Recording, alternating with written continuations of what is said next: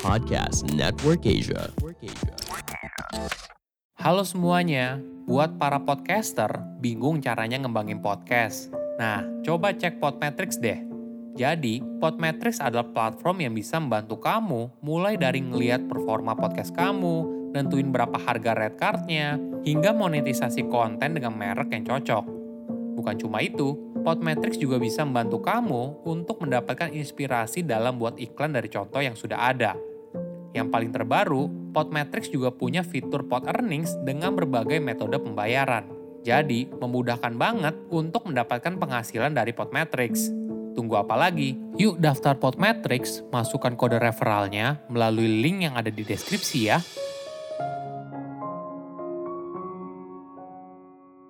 Di era digital, kamu bisa menjadi miliarder dari streaming game. Halo semuanya, nama saya Michael. Selamat datang di podcast saya, Sikutu Buku. Kali ini saya akan membahas kisah inspiratif dari Tyler Blevins atau dikenal dengan nama Ninja yang merupakan salah satu gamer terkaya di dunia. Berkat game Fortnite, hidup Ninja boleh dibilang berubah drastis. Dia yang awalnya bekerja sebagai karyawan restoran cepat saji, kini masuk dalam kategori gamer dan streamer dengan penghasilan terbesar di dunia.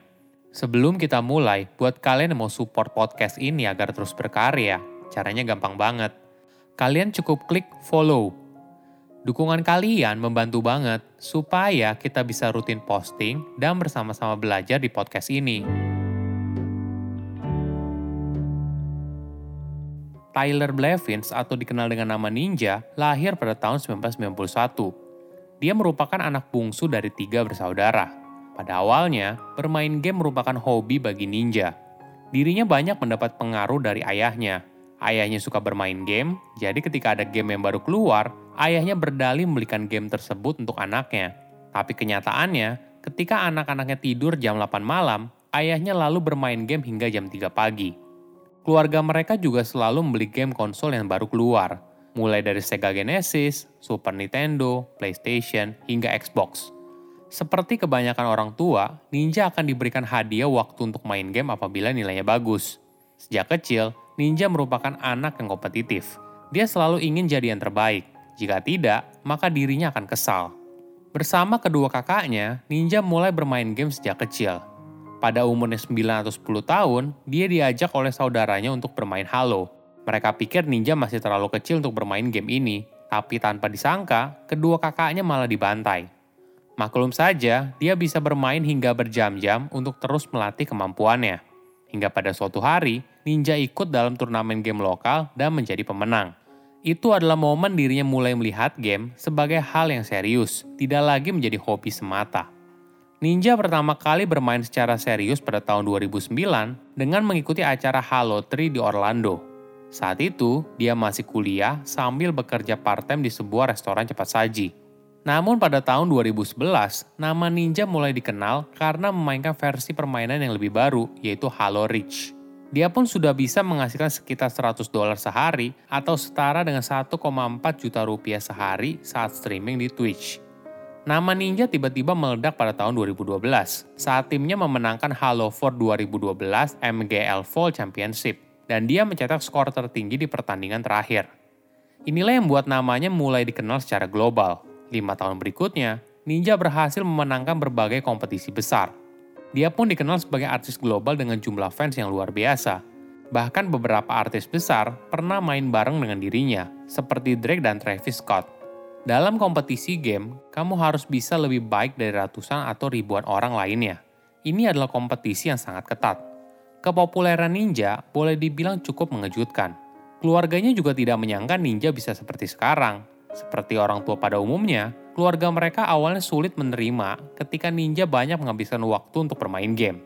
Namun, ketika Ninja mulai menghasilkan uang, namanya terkenal di mana-mana, diajak bekerja sama dengan sponsor, pandangan tersebut langsung berubah 180 derajat. Game itu bukan lagi hanya sekedar hobi, namun memang sebuah pekerjaan yang menghasilkan uang.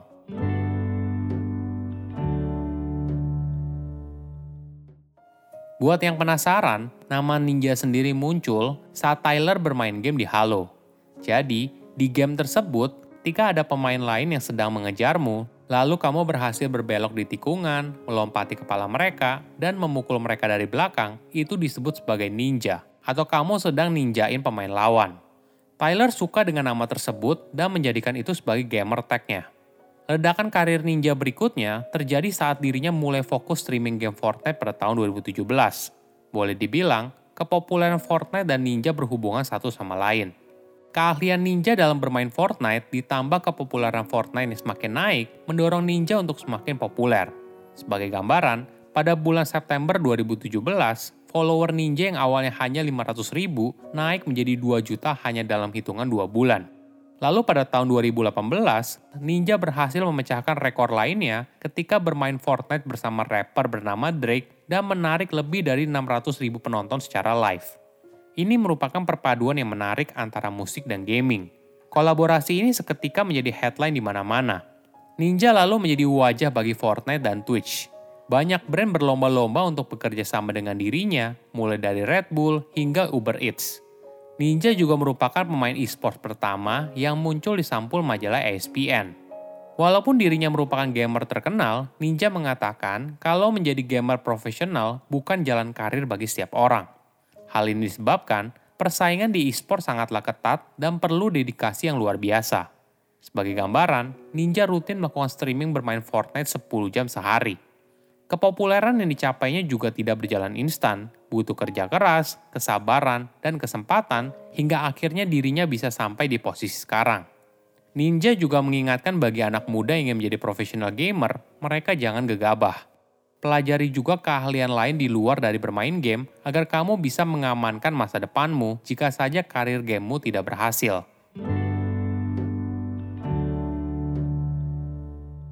Pada umur 27 tahun, Ninja boleh dibilang merupakan streamer paling populer di Twitch. Dia berhasil memecahkan rekor 250 ribu subscriber aktif. Mungkin saat ini, angka tersebut sudah dikalahkan. Namun pada saat itu, merupakan angka yang fenomenal. Maklum saja, rata-rata subscriber aktif streamer lain di bawah 100 ribu. Kepopuleran Ninja mulai menurun saat dia memutuskan untuk pindah ke Mixer, layanan streaming yang dimiliki oleh Microsoft dan sekarang sudah tidak beroperasi. Saat itu, Ninja mendapat bayaran mahal untuk bisa akhirnya pindah ke sana. Setelah Mixer tutup, dia sempat berhenti selama sebulan dan mulai fokus streaming di YouTube sebelum kembali ke Twitch. Namun Twitch yang sekarang sudah jauh berbeda dengan yang dulu dia kenal. Akun Twitch-nya tidak lagi menjadi raja di platform tersebut. Mungkin ada beberapa alasan. Pertama, berasal dari pemilihan gamenya. Ninja jarang sekali bermain Fortnite, padahal game ini yang buat namanya sukses. Saat ini, dia banyak menghabiskan waktu streamingnya untuk bermain Valorant dan League of Legends. Walaupun Ninja tentu saja pemain yang jago, tapi di dua game tersebut sudah dipenuhi oleh banyak streamer baru yang terkenal. Kedua, jumlah streamer yang meningkat. Saat Ninja awal menjadi streamer pada tahun 2018, jumlah streamer tidak sebanyak sekarang. Namun ketika namanya meledak, banyak orang berlomba-lomba untuk menjadi streamer di Twitch dan YouTube. Situasi ini membuat streaming menjadi sangat kompetitif. Ninja boleh dibilang sebagai streamer veteran, jadi penonton streamingnya lebih banyak didominasi oleh fans lama yang setia. Ketiga, kurangnya game baru. Warzone dan Valorant merupakan dua game paling baru dan sudah ada setahun lebih. Hal ini yang membuat belum adanya kesempatan dirinya untuk kembali bersinar. Namun di balik semua itu, mungkin Ninja menikmati kondisinya saat ini.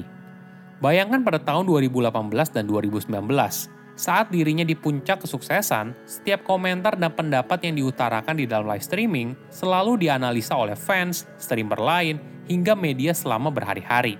Sebagai contoh, Ninja punya prinsip tidak mau streaming dengan gamers wanita. Hal ini disebabkan jika di dalam live streaming itu ada tanda flirting sedikit saja, maka klip video tersebut bisa dipotong lalu dijadikan clickbait video di mana-mana. Tentu saja situasi tersebut membuat dirinya jadi bahan kritik dan tidak nyaman. Mungkin sekarang dia tidak lagi menjadi streamer nomor satu, namun situasi ini mungkin jauh lebih nyaman bagi Ninja. Tidak ada jalan mudah menuju kesuksesan. Bermain game yang sering dianggap sepele kebanyakan orang bisa menjadi pekerjaan serius apabila dijalankan dengan sungguh-sungguh. Saya undur diri, jangan lupa follow podcast Sikutu Buku. Bye-bye.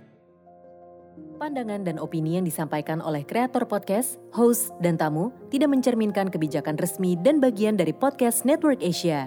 Setiap konten yang disampaikan mereka di dalam podcast adalah opini mereka sendiri dan tidak bermaksud untuk merugikan agama, grup etnik, perkumpulan, organisasi, perusahaan, perorangan, atau siapa pun dan apa pun.